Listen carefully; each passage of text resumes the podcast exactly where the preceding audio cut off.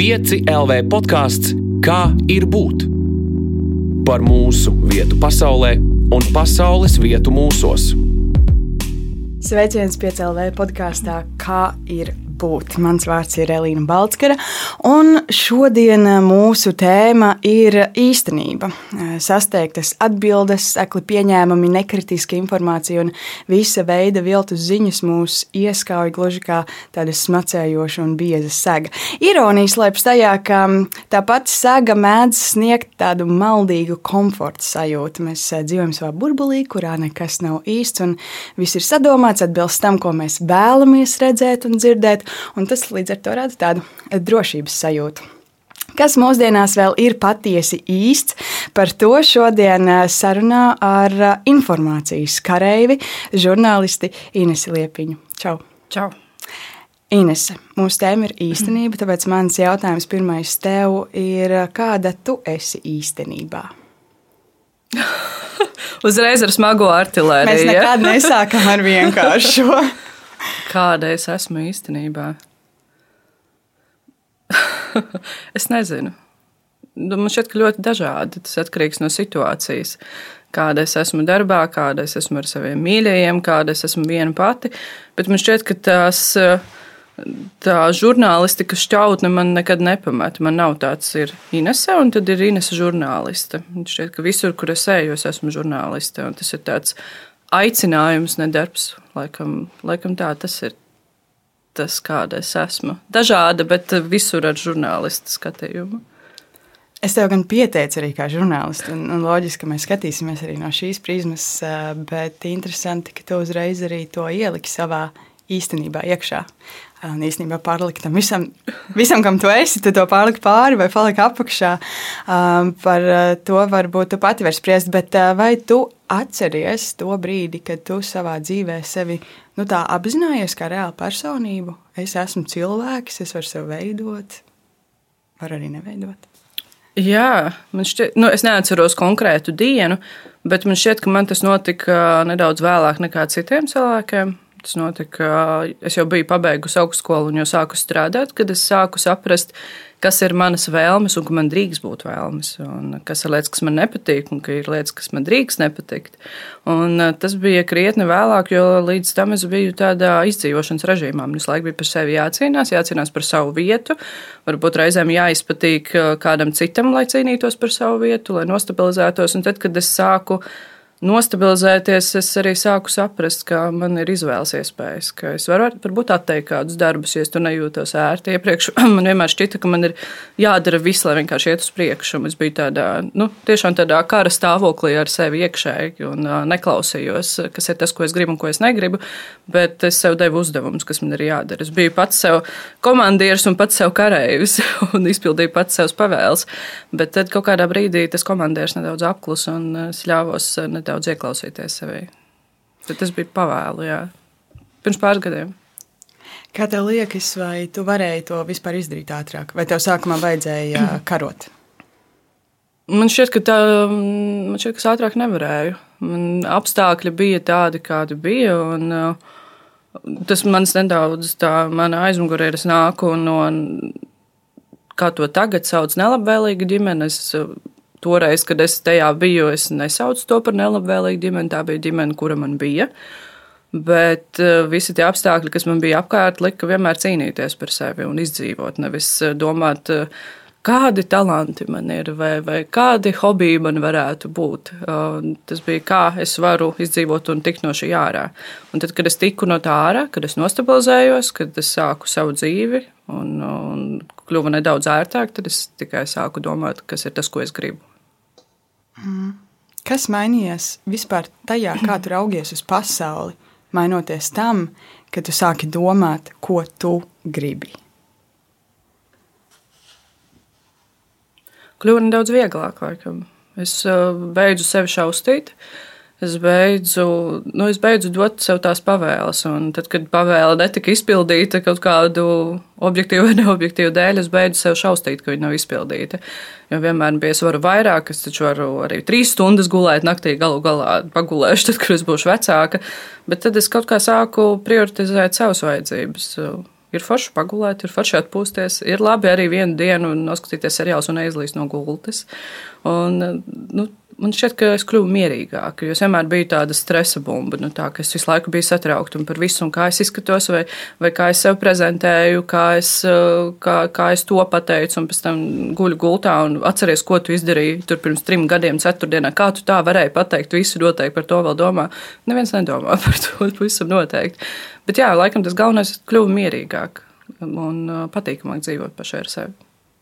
Bet kas bija tas, kas salauza tevī to pirmo pusi, to pirmo inesī, kas tev bija tas lūzuma punkts, kas tev ļāva pāriet uz pilnīgi citu tādu prāta stāvokli?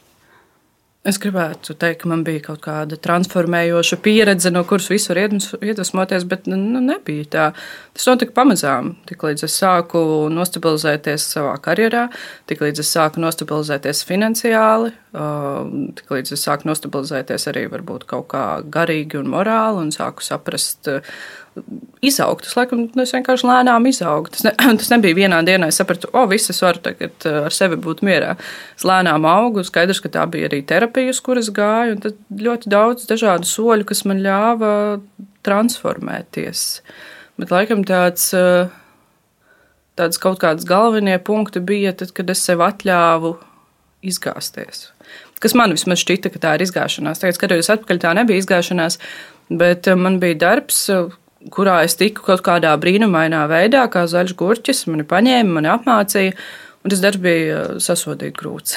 Un, uh, un es nebiju laimīga tajā darbā, un es biju pārgurusi, bet es ļoti daudz iemācījos.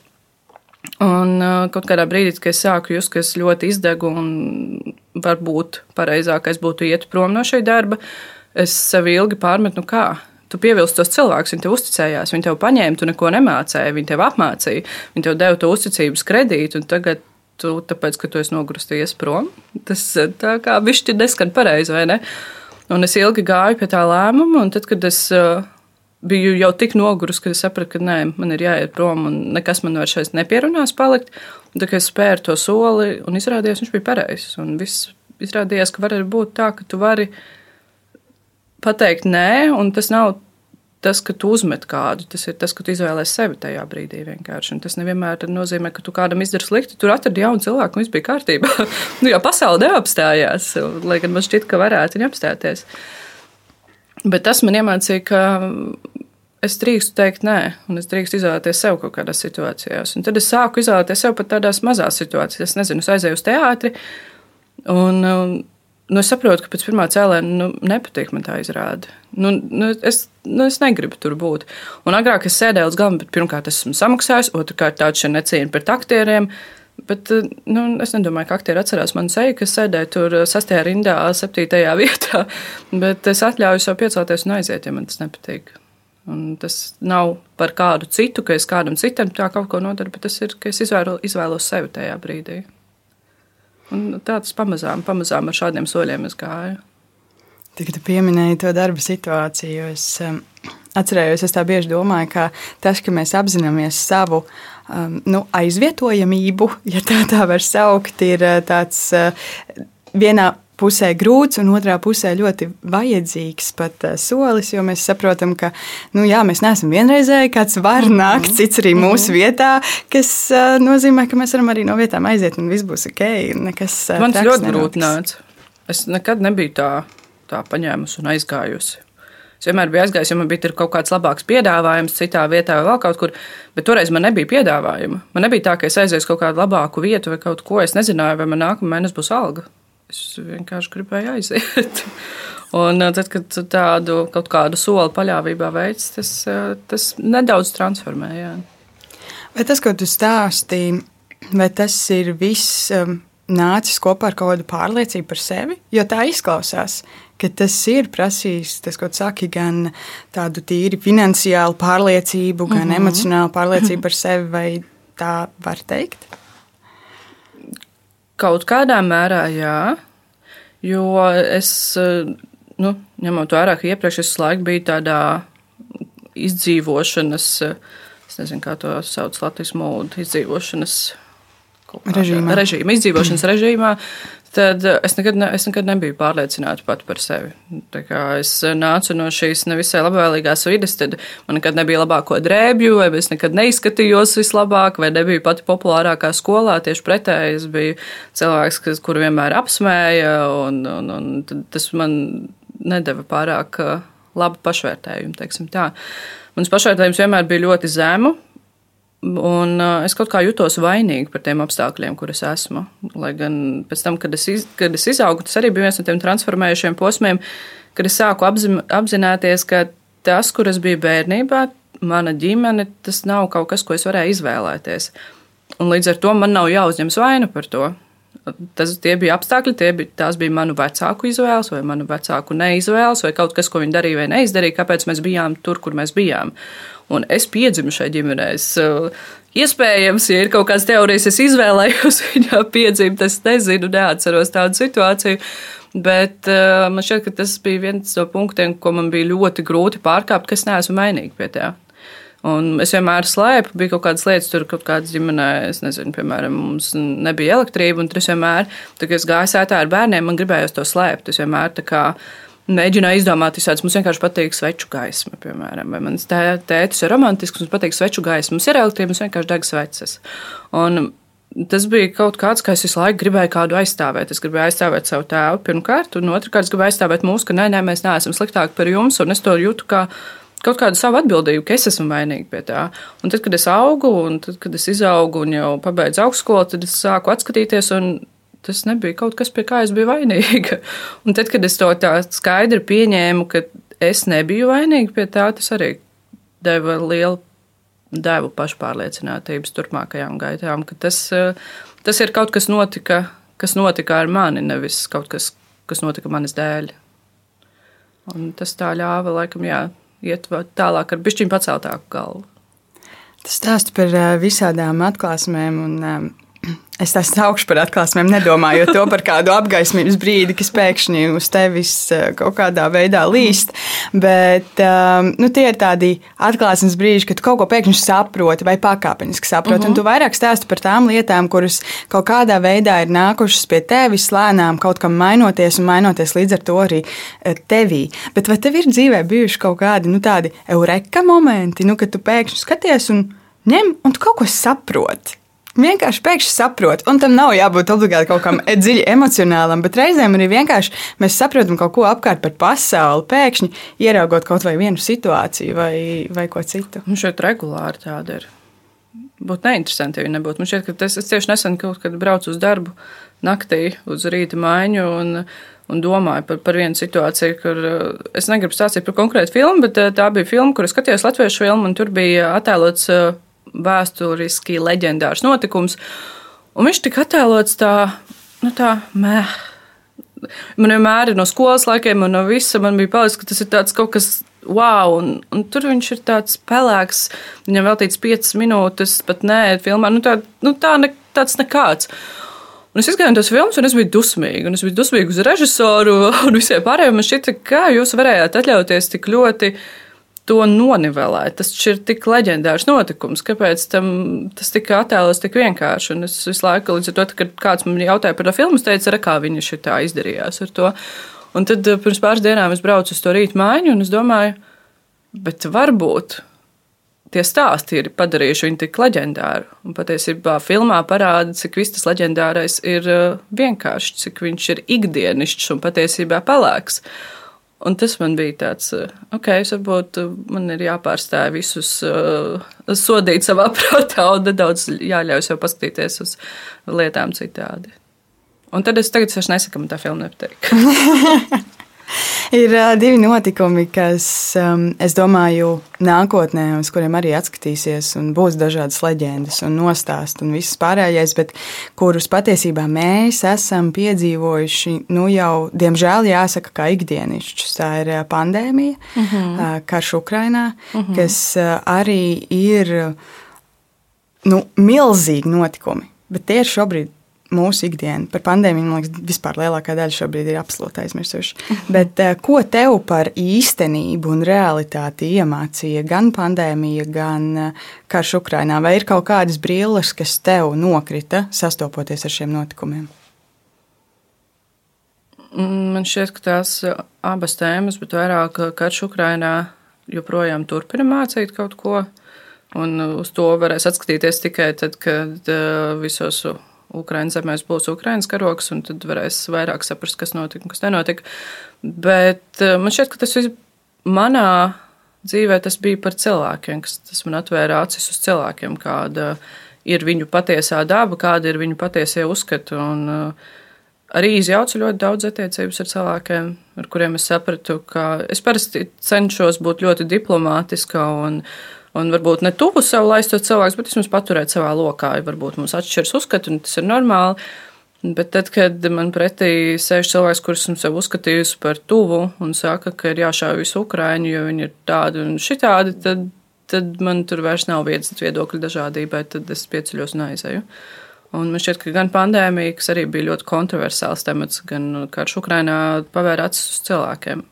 Bet ne tikai sliktā ziņā. Man šķiet, ka īpaši kara jautājums man parādīja, cik ļoti mēs varam saliedēties. Un ne tikai Latvijā, kur mēs adam zeķes, sūtam pakas, vācam naudu, dziedam, ejam gājienos, kas iepriekš es neatceros, kad mēs tik ļoti esam bijuši vienoti, bet arī visā pasaulē, kur cilvēki sadodas rokās un palīdz Ukrainai gan ar ieročiem, gan ar naudu, gan ar jebkādu citu atbalstu. Un tas man šķiet ir parādījis, kad cilvēkos vēl ir labais. Tas ir ļāvis noticēt, ka ir labais palicis vēl tomēr. Tas, ir, tas viss man šķiet ir par cilvēkiem, par to īstenību.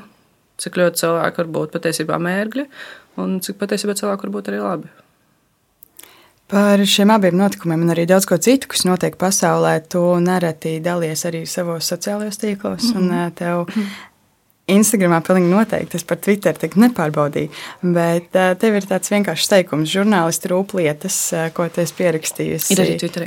ir arī Twitterī, ko tu esi pierakstījusi par sevi klāt. Uh -huh. um, sākumā par to pirmo daļu, par uh, žurnālistiku. Kad tu sapratīji, ka tas ir tas ceļš, kuru tu iesi?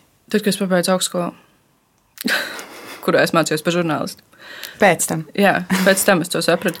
Es tur nokļuvu pavisam netīši. Man nebija nekāda plāna, ka es būšu, ka es būšu žurnālists, es izmeklēšu kaut ko. Nu, man, es, es nesapratu, ko nozīmē žurnālists. Es atceros, tad, kad mums pirmajā kursā, kursā Anna Roškalna, kas mums bija kursa vadītāja, lika nosaukt žurnālistus, kas ir mūsu elka. Es nezināju nevienu žurnālistu. Es tiešām nezināju nosaukt vārdā nevienu žurnālistu. Nu, es noteikti biju dzirdējusi, bet tādu, ka tev pajautāja, es nezināju nevienu. Un es tur kaut ko izlēferēju un pateicu kaut kādu, kas man ienāca pirmais prātā, un es pat neatceros, ko. Bet uh, es pavisam netīšām, jo es zināju, ka man padodas valodas. Es gribēju sākumā kļūt par latviešu valodas skolotāju, tad par baltu filologu, vēl kaut ko. Es pat iesniedzu filoloģijas studijām dokumentus. Un tad es iegāju Twitterī Un uh, Stradiņu universitāte bija ietvītojusi, ka ir palikuši pēdējā stunda vai pēdējā pusstunda līdz um, dokumentu iesniegšanai žurnālistikas fakultātē.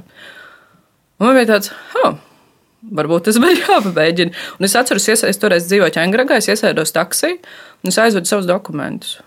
Un uh, viņi man paņēma un es uh, aizgāju. Es nezināju, ko nozīmē žurnālistika toreiz. Nu, es apmēram nojautu, bet uh, varbūt es nebūtu gājusi ja es zinātu uzreiz, ko tas nozīmē.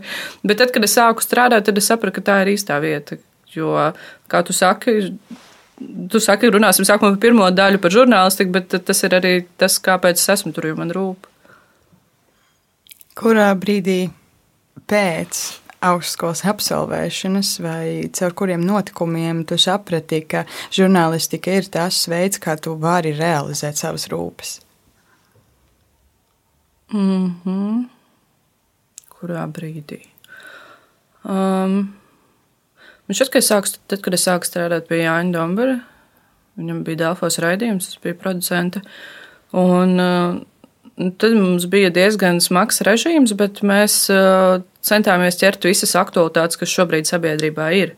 Mums nebija tā, ņemot vērā, tas bija interneta raidījums, tur nebija tā, ka pirmdien pulkstens desmitos Ja mums varēja būt vienā nedēļā piecas tiešraides, tad varēja mēnesi nebūt neviena tiešraide. Bet mēs ķērām aktualitātes un uh, mēs uh, mēģinājām saprast, kas cilvēkiem rūp, kas cilvēks uzrunā, kas ir tas, kā mēs varam kaut ko mainīt, varbūt arī. Un, uh, un tajā brīdī Jānis ir tāda ļoti liela harizma, un viņš kaut kā, nu, viņš kaut kā procesu padara tādu interesantu. Viņš pats aizraujas ar to. Viņš saka, paskatieties, šis ir interesanti. Mēs izdarīsim šito, mums ir jāizdara tas, mums ir jāmaina tas. Un, un varbūt tas liekas smieklīgi, jo varbūt nevienmēr var kaut ko mainīt, bet tas, kā viņš to procesu pasniedz, tas liek tev noticēt, ka tu tiešām arī vari kaut ko mainīt, un reizēm arī kaut ko var mainīt. Un tad pēc tam jau tālāk es gāju uz Rebaltiku, un tur uh, tieši ar tādu pašu noskaņu ir mans kolēģis, kurām mums viss besīja, mums vajag šo atrisināt. un, uh, jā, laikam cilvēki, kas bija apkārt, lika tam noticēt. Un arī nu, kaut kādas pārmaiņas, kas tapa pēc tam, gan pēc raidījumiem, gan pēc rakstiem. Vai un kādu misiju tu izjūti kā žurnālists? Jo žurnālists tas tomēr ir kaut kas cits. Es zinu, savā dzīvē man nereti piekabina šo birku klāt. Mm. Žurnālists Elīna, un es vienmēr saku, nē, nē, nē, es neesmu žurnālists. Sauciet man par raidījumu vadītāju, veidotāju, producentu, mm vienalga par ko nesauciet man par žurnālistu, jo es tas neesmu. Mm -hmm. um, kā tu izjūti? Vai kas ir žurnālists un vai tev ir kaut kāda misija kā šī um, amata pārstāvim? Ļoti daudz. Šis, mēs varētu stundā runāt, jo tās misijas ir ļoti daudz. Gan skaidrs, ka viens ir informēt, otrs ir parādīt, atklāt, būt sarksunim, mēģināt kaut ko ietekmēt, eh, palīdzēt. Nu, tās misijas ir tiešām ļoti dažādas, un viņas nav, nav viena svarīgāka par otru. To, es, es nezinu, ikdienā nav tā, ka es pieceļos un apkarot, skatos, mana žurnālista misija šodien. Es tagad izdarīšu lietas. Nu, tā nav. Kāda ir tava, ja tu tādu jūti? Atbildība sabiedrības priekšā, vai tu jūti, ka tev tāda ir? Mm. Reizēm es jūtu, ka man varbūt ir vairāk spēka nekā citiem sabiedrības locekļiem. Līdz ar to es jūtu, ka es reizēm varu izdarīt vairāk nekā kāds cits, jo viņam nav pieeja kaut kādām lietām. Līdz ar to, tad, kad nezinu, mēs rakstām par sociāli politiskiem jautājumiem, nezinu, par vardarbību vai vēl par kaut ko, uh, es zinu, ka es varu dot šiem cilvēkiem balsi, kuras viņiem nav. Jo man viņa laika gaitā ir izveidojusies, un mani uzklausa, un man ir platforma, kurā, kurā es varu dot šo balsi. Līdz ar to tādā ziņā es jūtu atbildību nodot to korekti, patiesi un uh, nenodarīt pāri kādam citam. Kas īpaši ir tad, kad mums ir raksti par vardarbību. Nu, nevienā augstskolā, nevienos kursos tev neiemācīs, kā runāt ar vardarbības upuriem. Un, uh, un tas, kad tu ej uz šīm intervijām, tu domā, kā tev dabūt ārā no, viņ, no viņa to, viņas vai viņa to stāstu, nenodarot pāri vēlreiz šim cilvēkam, jo viņš jau ir bijis sāpināts gan daudz, un tāpat laikā tev ir uh, jādabū no viņa šī informācija pietiekamos daudzumos, lai tu varētu uzticēties arī viņam. Jo tev ir jālūdz, vai tu vari iedot man dokumentus, vai tu vari izstāstīt šo detaļu. Jo man ir, nu, es nevaru, es jūtu atbildību arī pret savu lasītāju ne tikai pret savu intervējumu, jo man lasītājiem ir jānodod patiesa informācija. Līdz ar to man viss, ko šis cilvēks man stāsta, ir jāmēģina pēc iespējas vairāk pārbaudīt. Un tās sarunas ir grūtas, un, un kad tu zvani cilvēkam, kurš ir nezinu, bijis izvarots, un tu viņam jautāja, vai tu vari atsūtīt tos un tos dokumentus, vai tu vari man pastāstīt, kā tev gāja tiesu medicīnas ekspertīzē. Un, nu, tas vienmēr ir sarežģīti. Līdz ar to atbildība ir gan pret uh, saviem avotiem, gan pret lasītāju, jo tev lasītājiem ir jānodod patiesa informācija, nevis šis cilvēks tā saka. Mans uzdevums ir tas eh, slavenais teiciens, ka, ja tev viens cilvēks saka, ārā līst, un otrs saka, ārā ir saule, tavs kā žurnālists uzdevums ir paskatīties pa logu un pateikt, kā tad īsti ir. Tev nav jāuzraksta viens cilvēks teica šādu, un otrs cilvēks teica šādu. Tev ir, bet, eh, tu vari uzrakstīt, bet tad piekabinot, bet patiesībā ir šādi, balstoties uz tādiem un tādiem faktiem. Līdz ar to tā atbildība ir eh, nodot informāciju patiesi. Tu stāsti par šīm sarežģītajām situācijām un sarežģītajām sarunām, bet tu arī esi izvēlējusies iet šajā virzienā pētnieciskajā žurnālistikā. Tu arī uh -huh. izvēlējies tematus, kas nav tie vienkāršākie. Uh -huh. un... Tur nevienmēr man gan teikšana. bet eh, nu, tur man gribētos teikt, ka nāk tā tava rūpju sadaļa. Droši vien uh -huh. dārgi, kā jau tu pati saki, tāpēc, ka tev rūp. Kas tad ir tas, kas tev rūp? Man rūp cilvēki. Es zinu, ka, ka ir arī ļoti svarīgi rūpēties par planētu, par globālo sasilšanu, par dzīvniekiem un, un vispārējo, un tas man arī rūp, bet pāri visam man ļoti rūp cilvēks.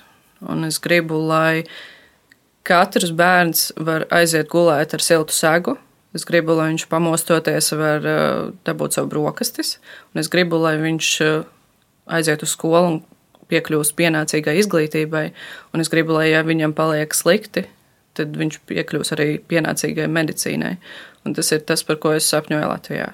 Un tas ir tas, kas man rūp. Lai... Un tas nav par bērnu, tas ir par jebkuru cilvēku. Uh, pat ja tu esi lielākais nelietis, joprojām iestiešos par tavām tiesībām piekļūt izglītībai, medicīnai un ēdienam, jo tās ir pamatlietas, kas cilvēkam ir vajadzīgas. Un, uh, jā, tas laikam ir tas, kas man rūp, man rūp cilvēks. Vai tev kaut kas no tā rūp, tāpēc ka tev kādreiz kaut kas no tā ir trūcis?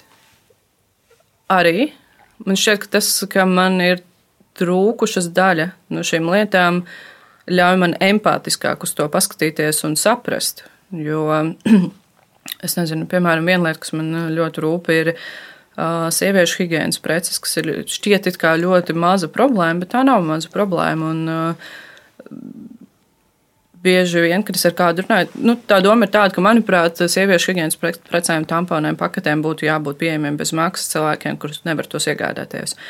Un es kādreiz stāstu, nu, es pati nāku no laukiem, un, un es zinu, ka tur ir situācijas, kur cilvēki nevar iegādāties to. Un es stāstu, un es zinu, kādām Rīgas draudzenēm, un es saku, nu, ka ir šāda problēma. Es saku, bet uh, pats viņa tampons maksā 3 eiro. Man ir tāds, šis cilvēks iespējams 3 eiro nopelna dienas laikā. Tā ir dienas alga. Nu, kā, ļoti labi, ka tev tie ir tikai 3 eiro, bet 3 eiro kādam var būt nedēļas iztika.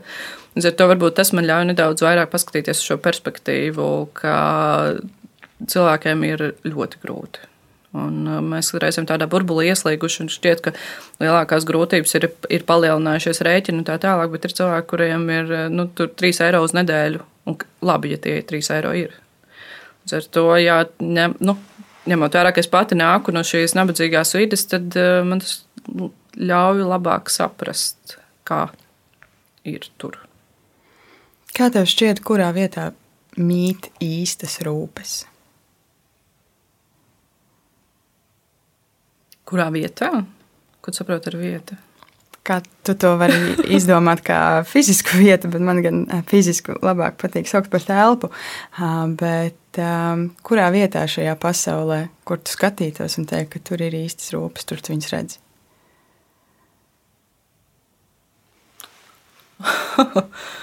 Kuras viņas redzu?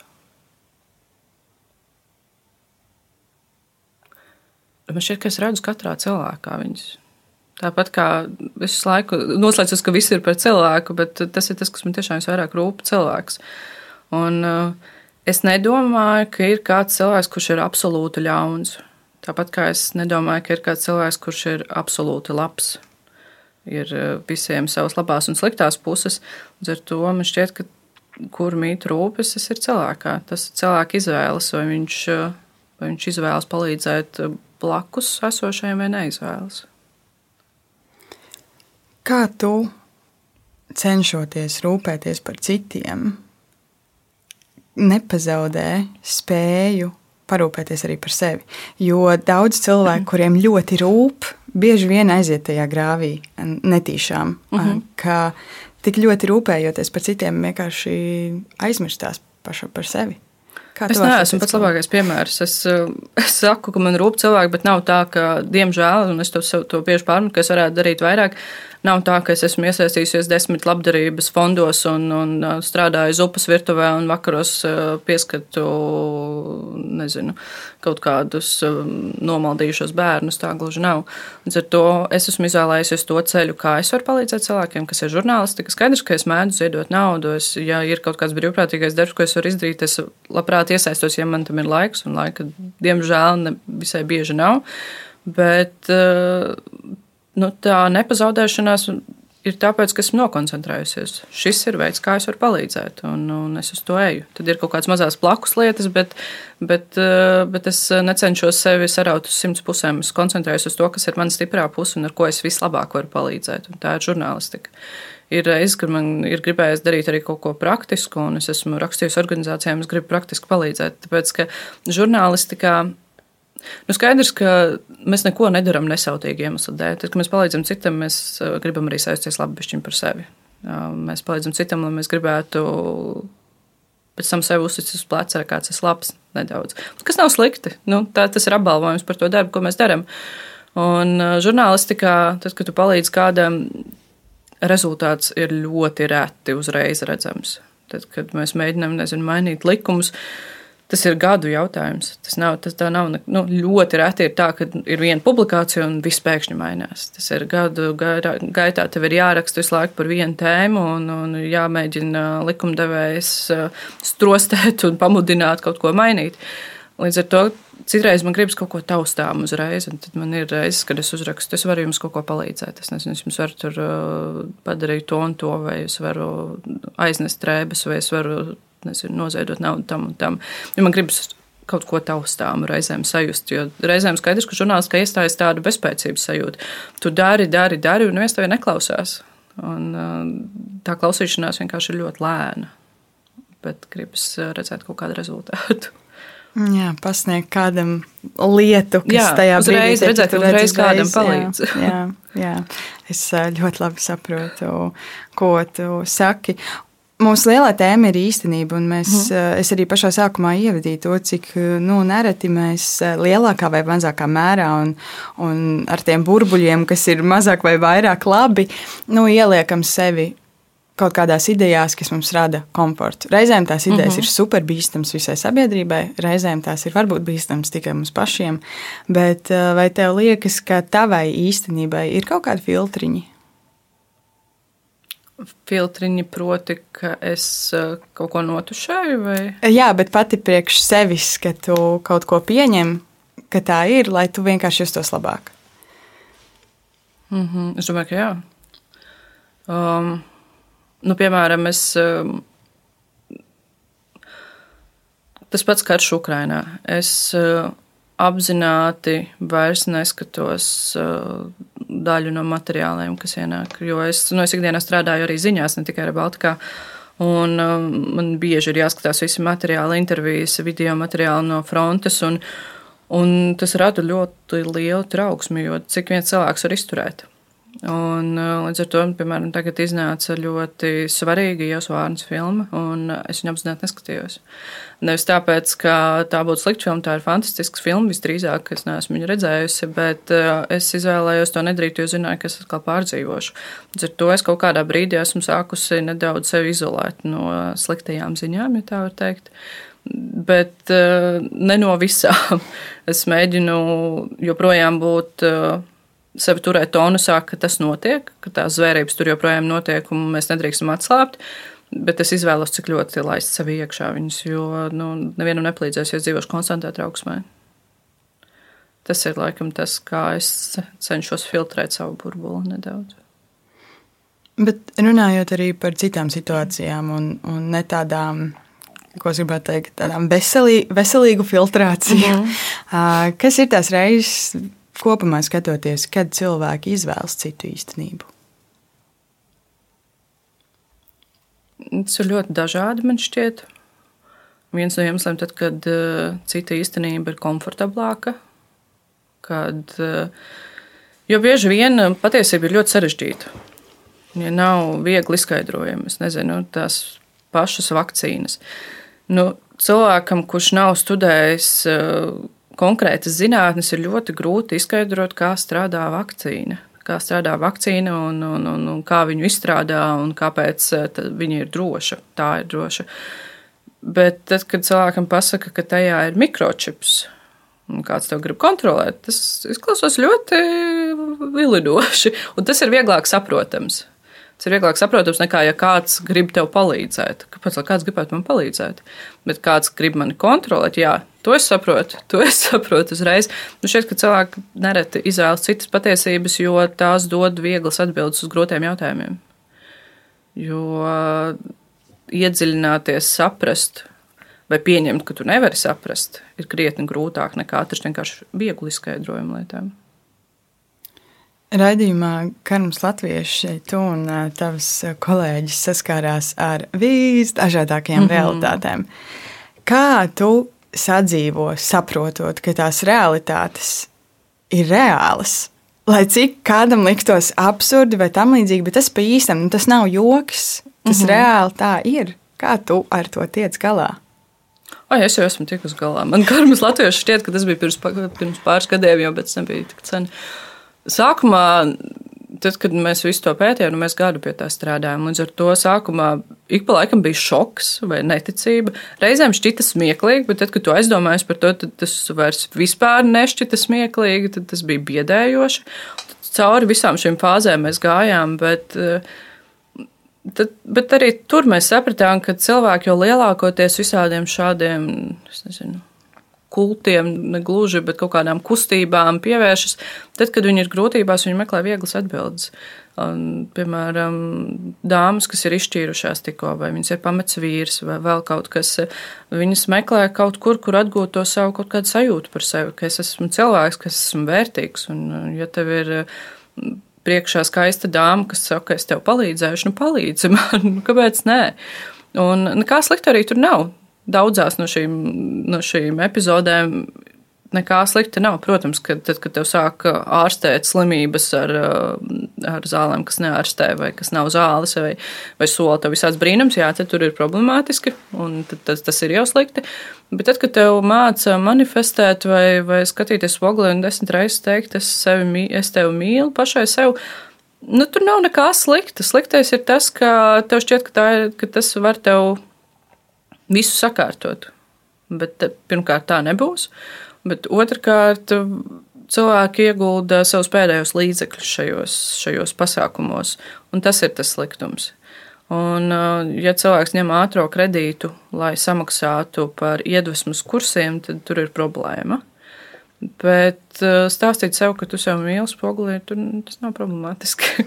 Vienīgi reizēm, tad, kad cilvēkam, piemēram, ir tiešām nopietna klīniska depresija, un tad šis kočs tev saka, ka tev vienkārši vajag saņemties, un tu esi vienkārši slinka dirsa, un tu nevari neko izdarīt, tad, tad gan ir problemātiski, protams. Jo tad tev ir jāvērš pie ārsta un būtu labi, ja šie cilvēki tev pateikt, ka viņi tev nevar palīdzēt, nevis solīt, ka viņi var tev visu palīdzēt.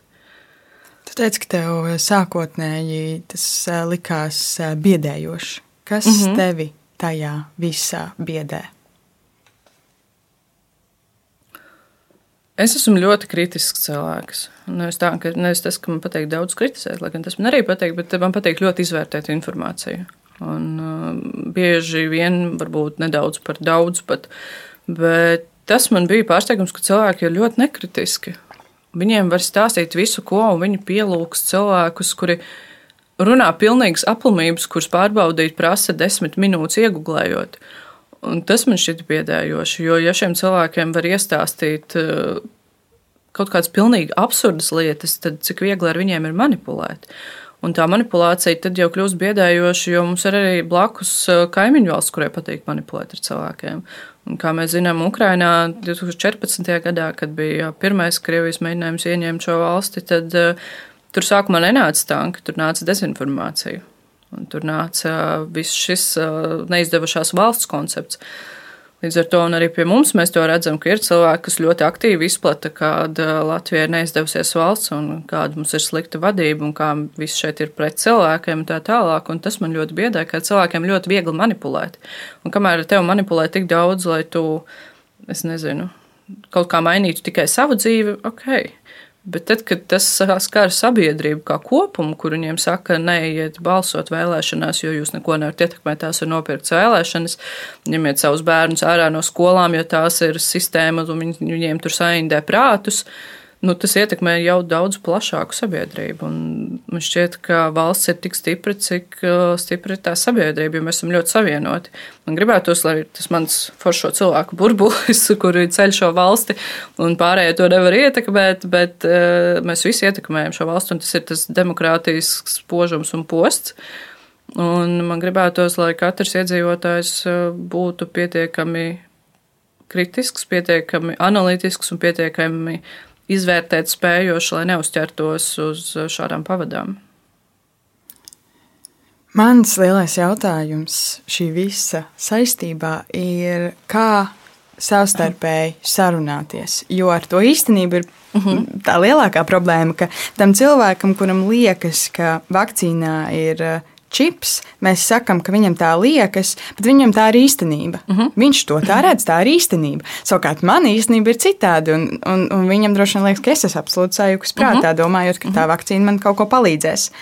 Kā savstarpēji runāties diviem cilvēkiem, kuru īstenības izpratnes ir absolūti citādas? Es nezinu. Man tiešām nav atbildes. Ja sākumā eh, bija ļoti daudz arī rokas grāmatu, gan angļuiski, gan latviešu, kā sarunāties. Tāpēc, bija ļoti liela šķelšanās ne tikai Latvijā, skaidrs, ka visā pasaulē par to notika. Un tad man šķiet, vienu brīdi cilvēki nonāca pie secinājuma, ka nav iespējams sarunāties. Ir iespējams sarunāties ar tiem cilvēkiem, kas ir gatavi klausīties, kas nav simtprocentīgi pārliecināti. Šaubīgos ir, ar šaubīgiem ir iespējams runāt. Bet, ja cilvēks ir skaidri ieņēmis prātā vienu savu patiesību, ar viņu, manuprāt, nav iespējams sarunāties.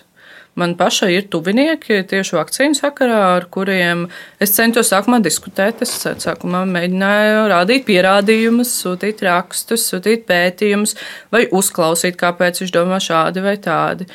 Un, lai saglabātu attiecības, mēs vienkārši nolēmām, ka šīs ir tēmas, par kurām mēs nerunājam. Jo nu, mēs nevarējām panākt kompromisu nekādu. Jo cilvēks tiktu kā teica, ka ir tā, un ko tu man stāsti, un kā es varu konkurēt ar cilvēku tiktu kā vai ne. Diemžēl. Tieši tā. Līdz ar to es nezinu, man tiešām nav atbildes. Un ja kāds kādreiz varēs sniegt atbildi, man šķiet, ka viņiem pienāksies kaut kāda Nobela miera prēmija, jo līdz šim es neesmu redzējis labus ieteikumus, kā sarunāties. Ir jāmēģina, bet, uh, diemžēl, man šķiet, ka visbiežāk tas atduras pret cienu. Bet viens ir um, vakcīnu jautājums, vai kara jautājums vai kaut kas cits. Bet otrs, mūsu īstenības izpratnes bieži vien atšķiras arī vienkārši cilvēcīgās attiecībās. Nezinu, ar kolēģiem, draugiem, citur ir viena situācija, mēs katrs redzam to citādi, mums ir sava īstenība. Kā tad runāt? Ja ir divi cilvēki, kas ir gatavi uzklausīt viens otru un nekliegt viens otram pāri, tad Nu, tad man šķiet, ir svarīgi apsēsties un nu, katrai pusē izstāstīt savus argumentus un meklēt kādu vidus, vidusceļu, vai mēs varam atrast šai īstenībai kaut kādu vidusceļu. Vai tā tiešām ir tik, tik melna vai tik balta. Tas ir viens no, viena no lietām, ko es pamazām šobrīd sāku pieņemt savā dzīvē, ka ir arī pelēkās zonas dzīvē. Jo es, es esmu tāda ļoti ideālista, man vienmēr bija melns vai balts, man nebija vidusceļa. Es biju ļoti kategoriska. Un ar laiku es sāku saprast, ka nē, ir arī kaut kādas pelēkās zonas, kur um, īstenība var būt dažāda no dažādiem skatu punktiem. Man liekas, tā ir atziņa, ko ir ļoti grūti pieņemt. Jā, nevienam nepatīk būt, uh, mm. būt, būt, būt uh, kļūdīties. Nevienam nepatīk kļūdīties. Bet uh, otra lieta ir tā, ka mēs izaugot vienkārši Nu, tad, kad es biju jaunāka, un maz, nu, es esmu jauna, bet biju vēl jaunāka, tad uh, nu, es biju tāda ļoti kategoriska un ļoti karavīga, un es gribu izglābt pasauli. Es joprojām gribu izglābt pasauli, bet citos veidos, kā toreiz. Līdz ar to man bija tikai melns un balts, un vai nu tu esi slikts vai labs. Bet tad es kaut kādā brīdī sāku saprast, ka ir arī, ja cilvēks ir slikts, viņā var būt arī kaut kas labs, un arī otrādi. Tu iepriekš minēji par tajā vakcīnu dialogu jautājumā par šaubām. Un es domāju, šaubas reizēm noderīgas, reizēm kaitīgas, ir dažādi, bet kad tu šaubies, kas ir tās situācijas? Visu laiku. Es visu laiku sevi apšaubu un šaubos un, un, un domāju, nu, kaut kā izaicinu sevi, vai es pareizi domāju. Un tad meklēju jautājumus un atbildes pie citiem cilvēkiem. Un bieži vien man ir kaut kāda apstiprinājuma, piemēram, nezinu, pie redaktora, ja tas ir darbs, kā tev šķiet, vai šis, kā es domāju, ir pareizi. Vai pie draugiem, kā tev šķiet, vai šis, ko es darīšu, ir pareizi. Līdz ar to es konstanti šaubos. Un, ja mēs runājam par vakcīnām, vai man bija sākumā bail? Jā. Es, tad, kad pir, pirmo reizi pateicu, ka ir gatava vakcīna, es nebiju tas cilvēks, kurš teica, duriet. Es gribēju, tāpēc es gribēju atgriezties pie normālas dzīves, jo es biju sasodīta, nogurusi no tā visa. Bet vai, man, vai es varētu pateikt, ka es biju simtprocentīgi pārliecināta, ka man nav vispār bailes un šaubas? Protams, ka bija. Nu, tāpēc, ka es nesaprotu zinātni. Man nav ne jausmas, kā, kā tas strādā, kā viņi to visu radīja. Tad, kad, nu, es, tas, ko es darīju, lai nomāktu savus šaubas, es sāku skatīties cauri materiāliem. Uh, um, sāku meklēt informāciju, vai es šobrīd joprojām saprotu, nē, bet man ir lielāka uzticība. Tu saki, ka tu konstanti šaubies. Uh -huh. un, uh, Es varētu tevi pavisam vienkārši izaicināt. Ja tu konstanti šaubies, Ines, kā es varu zināt, ka tu zini īstenību? Vai, es nezinu. Vai ka tu man stāsti īstenību? Es, ne, es nestāstu. Es drīzāk, tā īstenība arī mainās. Noteikti, kas šodien ir īstenība, tas uh, rīt vairs var nebūt īstenība. Tas ir tas, ko mums kolēģiem pārmet. Nu, piemēram, mums ir atsevišķa nodaļa ar Baltikā, kas uh, strādā ar faktu pārbaudi. Un tad, piemēram, bija kaut kāds raksts, ka rīt ieviesīs obligātas maskas. Un maniem kolēģiem bija tajā dienā jāraksta, ka nē, nā, tā nav taisnība, jo nebija šāda lēmuma. Pagāja mēnesis un ievies obligātas maskas. Un tad maniem kolēģiem nu, visi sāka pārmest, bet jūs rakstījāt, ka tā nav taisnība. Bet taisnība nebija tas, ka rīt ieviesīs un nebija informācijas, ka ieviesīs pēc mēneša. Līdz ar to to brīdi taisnība bija šāda. Šobrīd īstenība ir šāda, un īstenība, īstenība nav iekalta akmenī, viņa mainās. Līdz ar to es visdrīzāk teiktu, ka nevajag uzticēties.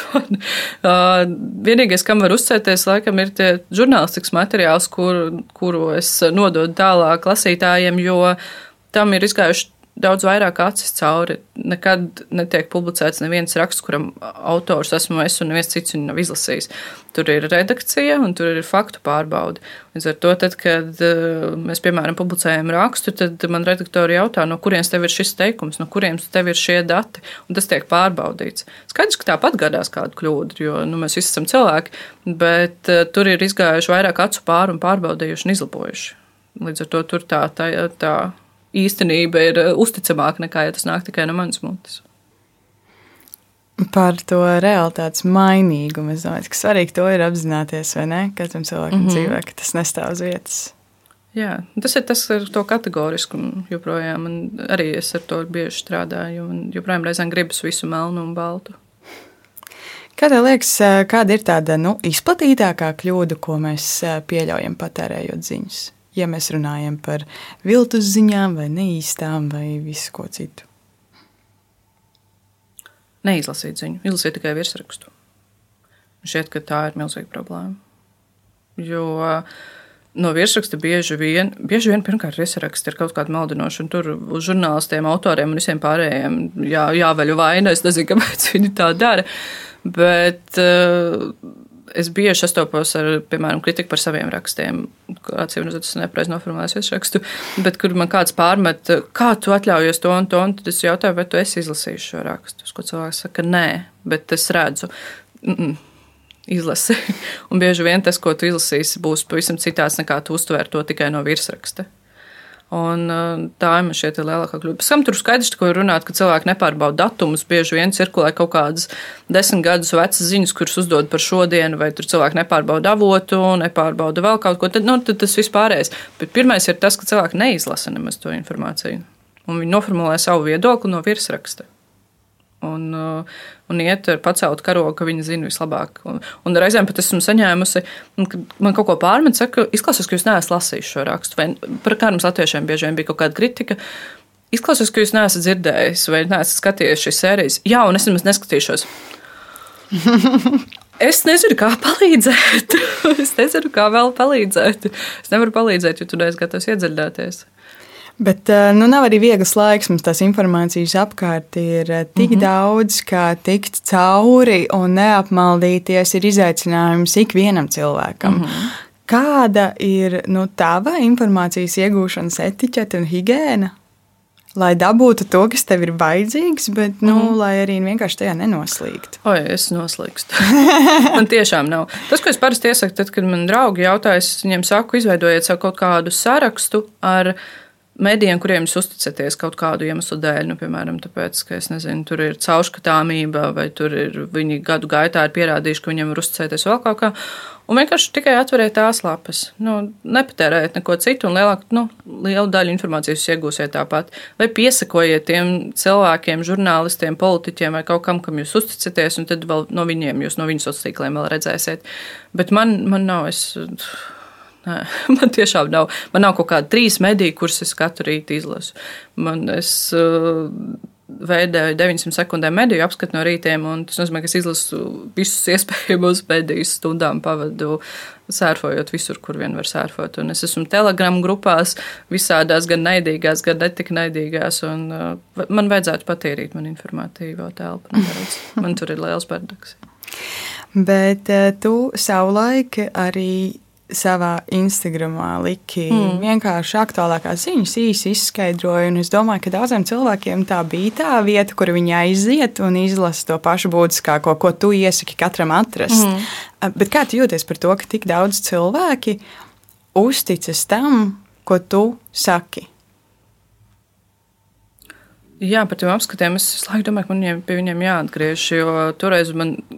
Es sāku to kaut kā, kā vienkārši kaut kādu lietu, kas man šķita varētu būt interesanti. Tad es saņēmu tiešām simtiem vēstuļu, kad cilvēki saka, es vispār nepatērēju ziņas, bet es esmu informēta par to, kas notiek. Man bija tāds, wow, jūs eksistējat. jo manā burbulī tāda cilvēka nav.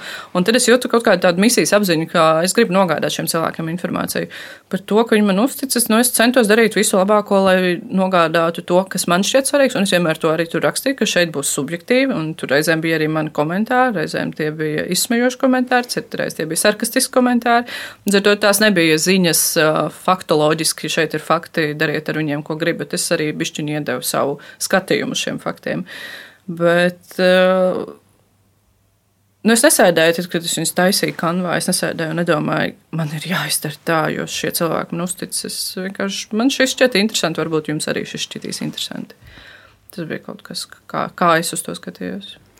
Pirms tam, kad tu minēji par tiem atgādnījiem virsrakstiem, tu minēji, ka tur atbildība ir jāuzņemas tiem medijiem, žurnālistiem, mhm. kas mm -hmm. tos ir radījuši.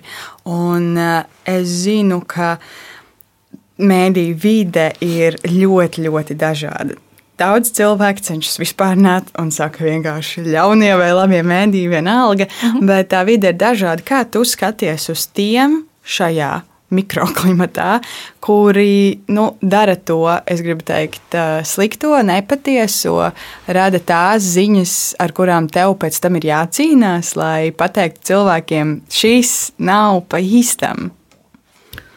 Labā ziņa tā, ka man nav ar to jācīnās, to dara citu kolēģi.